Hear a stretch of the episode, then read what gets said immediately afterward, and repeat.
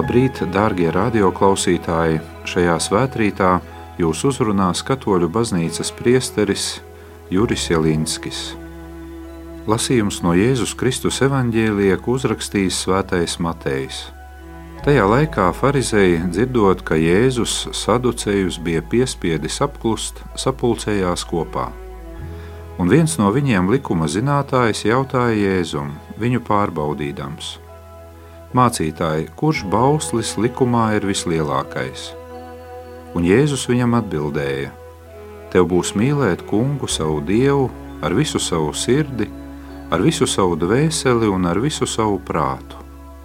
Tas ir pirmais un vislielākais bauslis, bet tam līdzīgs ir otrs. Tev būs mīlēt savu tuvāko kā sevi pašu. Šajos divos baušļos ir ietverts viss likums un pravieši. Tie ir svētā evaņģēlie vārdi.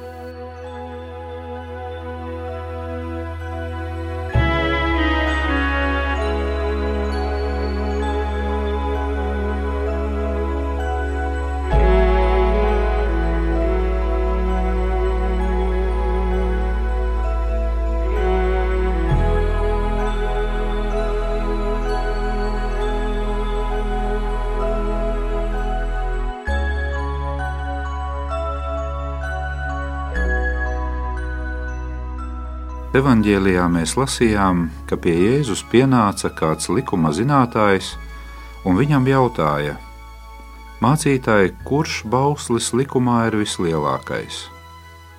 Jā, jautājums par to, kas tad dzīvē ir pats lielākais un svarīgākais, nav zaudējis savu aktualitāti arī šodien. Lai arī mūsu pieredze liecina, ka cilvēkam ļoti bieži ir tendence vairāk pievērst uzmanību tam, kas ir virspusējs un margināls, tomēr katrs cilvēks reizēm pat neapzināti ilgojas saprast savas esības visdziļāko būtību. Tieši tāpēc Jēzus uz jautājumu, kas ir pats svarīgākais dzīvē, atbild ar mīlestības bausli, bez kura viss pārējais pazaudēja jēgu. Tev būs mīlēt kungu savu dievu ar visu savu sirdi, ar visu savu dvēseli un ar visu savu prātu. Un tev būs mīlēt savu tuvāko kā sevi pašu. Lūk, tas ir pats galvenais dzīvē.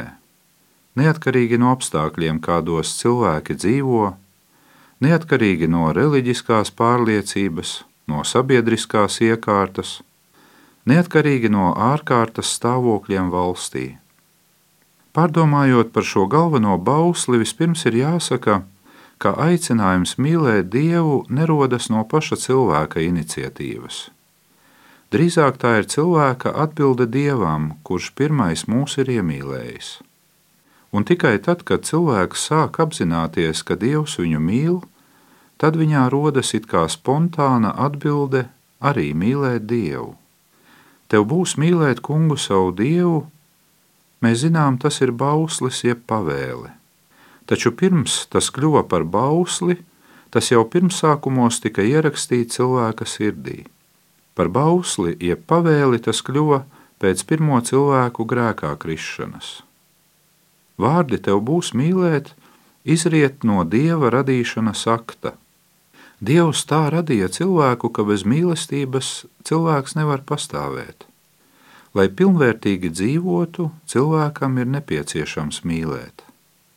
Vēl vairāk, mīlestība ir pašas dzīvības un laimes avots. Piemēram, savstarpēji iemīlējušies cilvēki, kā arī dievā iemīlējušies mistiķi, vienmēr ar pārliecību saka, ka viņi ir paši laimīgākie cilvēki uz pasaules.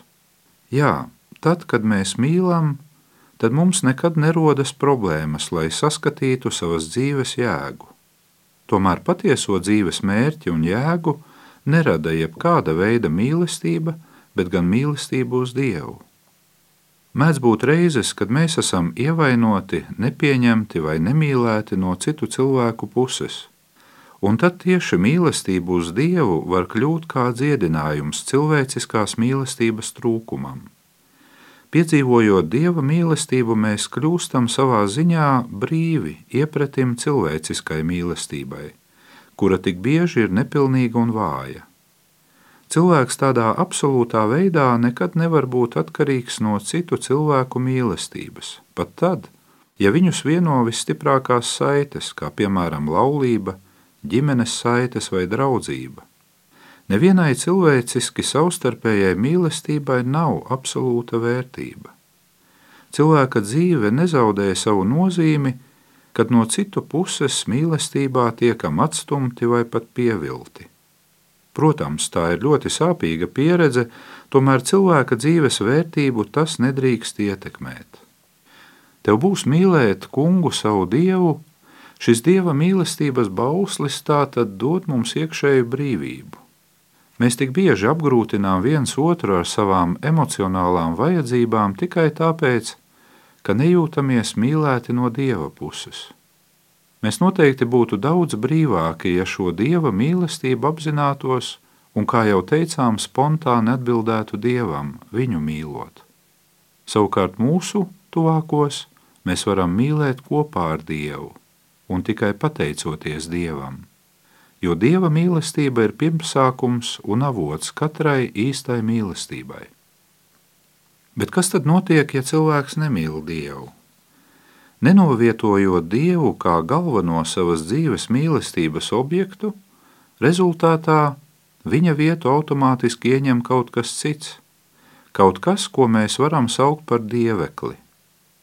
Diemžēl pieredze rāda, ka viss tas, kas cilvēka dzīvē ir kļuvis par dievekli, viss tas ar laiku kļūst par cilvēka dēmonu. Nemīlot Dievu ar visu sirdi, ar visu dvēseli, ar visu prātu un ar visu spēku, cilvēks padara nabadzīgu savu eksistenci. Un tas, kas dzīvē paceļas pāri Dievam, ar laiku vēršas pret pašu cilvēku. Varam minēt kaut vai tādas lietas kā nauda, karjera, seksualitāte, alkohols, lai arī pašas sevī šīs lietas ir labas – Tomēr tad, kad tās cilvēka dzīvē pārsniedz savu nozīmi un vērtību, tad tās nostājas pret pašu cilvēku un uzsāk iznīcināt viņu. Tāpat var notikt arī ar mīlestību attiecībā pret cilvēkiem. Lai arī šī mīlestība ir viena no lielākajām vērtībām dzīvē, tomēr, ja tā tiek novietota dieva mīlestības vietā, tad tā kļūst nabadzīga un var radīt nopietnas problēmas. Piemēram, ja māte dievina savu bērnu, tad patiesībā viņa tam nodara pāri. Kad vīrs dievina savu sievu, tad bieži viņš tai liek ciest savas greizsirdības dēļ, un tā tālāk. Par cilvēka dievekli var kļūt arī mūsu ciešanas, saņemtie pāri nodarījumi un ievainojumi. Patiešām ļoti bieži pastāv liels kārdinājums auklēt sevī nelaimes, vai pāri nodarījuma sajūtu, no kā daudzi pat nevēlas tā pa īstam atbrīvoties. Reiz dzirdēju kādu piemēru no viena cietuma kapelāna stāstītā. Kapelāns redzot, ka ieslodzītājs tur ļaunu prātu uz kādu cilvēku, kas viņam bija nodarījis pāri, viņu aicināja saņemt spēkus un piedot, uz ko ieslodzītais kādā vaļsirdības brīdī atbildēja: Ja šim cilvēkam piedošu, tad es pazaudēšu jēgu dzīvot. Lūk, te mēs redzam, cik ļoti svarīgi ir, lai nekas mūsu dzīvē neieņem dieva vietu, ne lietas, ne sirds domas, ne citi cilvēki, jo cilvēkam ir tikai viens vienīgs dievs, kuram ir jābūt par galveno mūsu mīlestības objektu. Pārdomājot tālāk par mīlestības bausli, ir jāsaka, ka ka cilvēka sirds ir tā radīta, ka tā nevar iztikt nevien bez dieva, bet arī bez citiem cilvēkiem. Tev būs mīlēt savu tuvāko. Nozīmē, ka uzreiz pēc dieva, par dzīvi, par laimi un visu citu labo, mums ir jābūt pateicīgiem arī cilvēkiem. Lai tā pa īstam dzīvotu, mums ir nepieciešami cilvēki, un cilvēkiem esam nepieciešami mēs. Bet kas tad ir mans tuvākais? Jau pats vārds tuvākais norāda uz to, ka šis cilvēks nav nejaušība. Tuvākais taču nav tālākais. Tas nozīmē, ka šī cilvēka liktenis kaut kādā veidā ir saistīts ar tavējo. Tuvākais uz kādu laiku vai pat uz visu dzīvi, kļūst par tavu ceļabiedru. Tuvāko mums ir jāuztver ne tik daudz kā mūsu pašu izvēli, bet gan kā dāvanu un žēlastību. Neviens no mums sev neizvēlas tēvu vai māti, radiniekus vai tuviniekus. Arī vecāki sev neizvēlas bērnus. Parasti mēs arī neizvēlamies skolotājus, draugu ganus, darba kolēģus vai kaimiņus. Un pat ja arī dažus cilvēkus dzīvē ir jāizvēlas tieši, kā piemēram sievu vai vīru, vai arī draugus, tad arī šajos gadījumos šos cilvēkus mums vispirms ir jāuztver kā dāvanu un žēlastību. Domājot par to, kas ir mūsu tuvākais, tieši ģimeniskās attiecības šeit ieņem īpašu lomu, jo šīs attiecības nekas cits nevar aizvietot. Nevar aizvietot tēva un mātes lomu, viņu trūkums vienmēr ir sāpīgs. Tāpat sāpīgs pārdzīvojums ir arī vīra vai sievas atstāšana. Tāpēc mēs droši varam teikt, ka mūsu savstarpējās attiecības ģimenē ir primārais mūsu dzīves uzdevums. Ja ģimene šīs attiecības pārdzīvo kā nobrieduši cilvēki, tad tas sagādā lielu prieku un laimi dzīvē. Tāpēc, pārdomājot šodien par tuvāk mīlestības bausli, pateiksimies Dievam par visiem mūsu ģimenes locekļiem, kuri ir galvenie mūsu ceļa biedri dzīvē. Visi viņi ir liela dāvana. Reizē arī lūgsim atdošanu no Dieva, ka nevienmēr esam novērtējuši šo dāvanu un šo cilvēku mīlestību. Ja mēs reizēm jūtamies vientuļi, nesaprasti un nemīlēti, tad bieži tā visa pamatā atrodas mūsu nespēja novērtēt to dāvanu, ka otrs ir mums līdzās. Ļoti iespējams, ka tādās reizēs mēs daudz vairāk koncentrējam savu uzmanību uz savām izjūtām un vajadzībām nevis uz tām personām, kuras Dievs mums dāvā dzīves ceļā. Mūsu biežā aizņemtība ar savām izjūtām traucē līdz galam novērtēt un pieņemt mūsu tuvāko cilvēku mīlestību, sirsnību un siltumu, ko viņi mums dāvā. Tāpat aizņemtība ar savām jūtām traucē arī pamanīt mūsu tuvākos, kad viņiem ir nepieciešama mūsu palīdzība. Reizēm mēs jūtamies aizvainoti pret saviem tuvākajiem tikai tāpēc, ka viņi mūs pietiekami nemīl, bet nepamanām, ka uz savādāku mīlestību patreiz viņi vienkārši vēl nav spējīgi. Mēs parasti pieprasām no citiem absolūtu mīlestību, kuras viņiem pašreiz vienkārši nav. Tieši tāpēc mums ir jābūt pazemīgiem, iepratim tam, kā mūsu tuvākie mūs mīl un jācenšas pamanīt tik vienu, arī to mazāko viņu mīlestības atblāzmu un gādību pār mums. Varbūt kādreiz nākotnē, kad garīgi un emocionāli pieaugsim, gan mēs, gan mūsu tuvākie, varbūt tad mēs būsim spējīgi uz lielāku mīlestību. Bet šodien dāvāsim viens otram to, kas mums ir. Visbeidzot, bauslis mīlēt savu tuvāko ietver sevī arī sevis mīlēšanu. Jēzus izvirza sevis mīlēšanu kā mērauklu mīlestībai uz mūsu tuvāko. Tev būs mīlēt savu tuvāko kā sevi pašu, viņš saka. Tas nozīmē, ka tā patiesi mēs nemaz nevaram mīlēt tuvāko, ja vispirms neiemīlēsim sevi. Un kā rāda pieredze, tad sevis mīlēšana ir viens no visgrūtāk izpildāmiem uzdevumiem, jo reizēm nav viegli saskatīt atšķirību starp egoismu, kas ir negatīva īpašība, un sevis mīlēšanu, kā Dievs to ir iecerējis. Šeit ir jāsaka, ka mīlestība uz sevi un uz savu dzīvi izriet no Dieva radīšanas akta.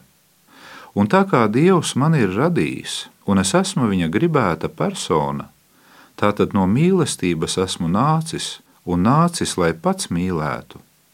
Tad tas nozīmē, ka mana dzīve ir pelnījusi mīlestību, tai skaitā arī no manis paša puses.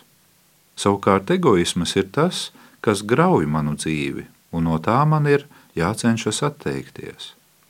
Patiesu mīlestību pret sevi mēs varam iesākt ar to, ka akceptējam savu dzīvi tādu, kāda tā pašreiz ir bez jebkādas rūkuma un sevis noraidīšanas piegaršas.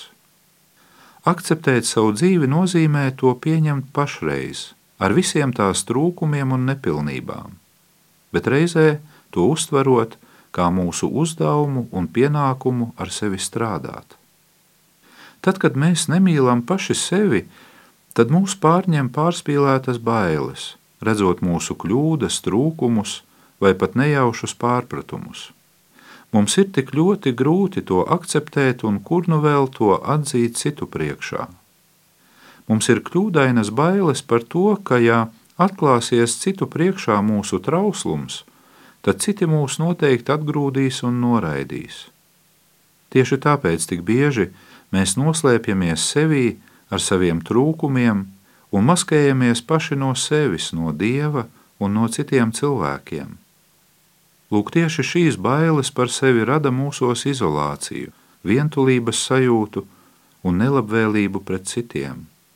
Savukārt sevis mīlēšana, sevis akceptēšana mums iemāca iekšēju brīvību, kas reizē ir brīvība gan sevis, gan citu priekšā. Dievs nemīl cilvēku tāpēc, ka cilvēks jau kaut ko svarīgu ir sasniedzis, vai par kaut ko labu ir jau kļuvis. Nē, Dievs mīl cilvēku tikai un vienīgi tāpēc, ka viņu ir radījis.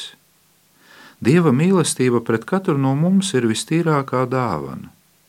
Dievs arī no mums negaida neko citu kā tikai to, lai mēs pieņemam viņa beznosacījumu mīlestību. Viņš akceptē katru cilvēku viņa pašreizējā realitātē, ietverot tai skaitā arī cilvēka pašreizējos trūkumus un ievainojumus. Kā jau teicām, Dievs mūs mīl ar beznosacījumu mīlestību. Viņš mūs mīl vienkārši tāpēc, ka mēs esam.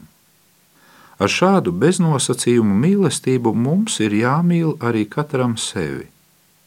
Līdz ar to katrs cilvēks sevi drīkst mīlēt jau šodien. Nebūtu pareizi, ja mīlestībai uz savu dzīvi mēs uzliktu nosacījumus. Piemēram, Es mīlēšu savu dzīvi tikai tad, ja būšu vesels, bagāts un visādā ziņā perfekts.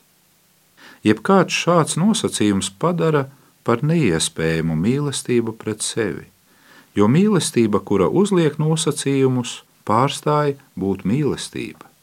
Akceptējot savu dzīvi, mēs it kā pasniedzam lielu dāvanu ne tikai sev, bet arī mūsu tuvākajiem. Mīlot sevi, mēs būsim spējīgi mīlēt arī tuvāko. Mēs būsim viņiem kā liels atbalsts. Tad mēs spēsim mierīgi un cilvēcīgi atrisināt visdažādākās domstarpības un grūtības. Neīsts altruisms, bez mīlestības uz savu dzīvi, kurš šķietami liek cilvēkam pilnīgi uzupurēties citu labā, nav tas pareizākais mīlestības veids. Bieži vien aiz tā slēpjas vēlme nopelnīt sev citu atzinību un mīlestību. Un tad, ja šāda mīlestība nesaņem gaidīto emocionālo gandarījumu, tad cilvēkā dzimst pretenzijas un pat nožēla par to, ka viņš ir labu darījis. Un reizēs, kad nervi uzdod, tad var atskanēt tādi neapdomīgi vārdi kā: Es visu mūžu esmu vergojusi ģimenes labā, bet nu tagad pietiek, vai es visu dzīvi no daudz kā esmu atteicies, lai tikai jums būtu labi, un tā tālāk. Lūk, šis neīstais altruisms bez mīlestības uz savu dzīvi ir skaidri redzams arī vecākā dēla nostājā, līdzībā par pazudušo dēlu. Tur viņš saka: Tik daudzus gadus es tev kalpoju, un nekad tavu pavēlu nepārkāpu bet tu man nekad nedevi pat kazlēnu, lai es ar saviem draugiem sarīkotu mīlestību. Jā, tieši tā, ar nebeidzamiem pārmetumiem beidzas neīstais altruisms, jeb neīstā tuvāk mīlestība, kura neprot mīlēt arī sevi. Cilvēks, kurš nemīl savu reālo dzīvi un to neakceptē, tā cilvēks nespēja mīlēt bez ieinteresētības. Tā cilvēks nespēja mīlēt tāpat vien, mīlēt pašas mīlestības dēļ. Tālūk, dažos vārdos esam pārdomājuši par to, kas tad katra cilvēka dzīvē ir pats galvenais. tev būs mīlēt kungu savu dievu, un tev būs mīlēt savu tuvāko kā sevi pašu. Pats Jēzus saka, ka nav lielāku baušļu par šiem. Tieši tāpēc svētais Augustīns reiz izteica slaveno frāzi: Mīli un dari, ko gribi. Taču ņemot vērā to, ka mūsu mīlestība vēl ir tik nabadzīga un ievainota, tad, protams, mums ir vajadzīgi arī pārējie baušļi. Tomēr visi pārējie ir tikai interpretācija šiem diviem, pašiem galvenajiem baušļiem. Noslēdzot šīs pārdomas, pateiksimies Dievam par šo pavēli mīlēt, kura ir dziļi ierakstīta ikviena cilvēka sirdī. Šis mīlestības bauslis mums visiem ir kā liela žēlastība un ceļa rādītājs dzīvē. Tas mums parāda ceļu uz mūsu patieso dzīves mērķi. Tas palīdz cilvēkam sevī atrast tik nepieciešamo harmoniju un līdzsvaru dzīvēm tā skaitā arī pašreizējā laikā, kurā dzīvojam.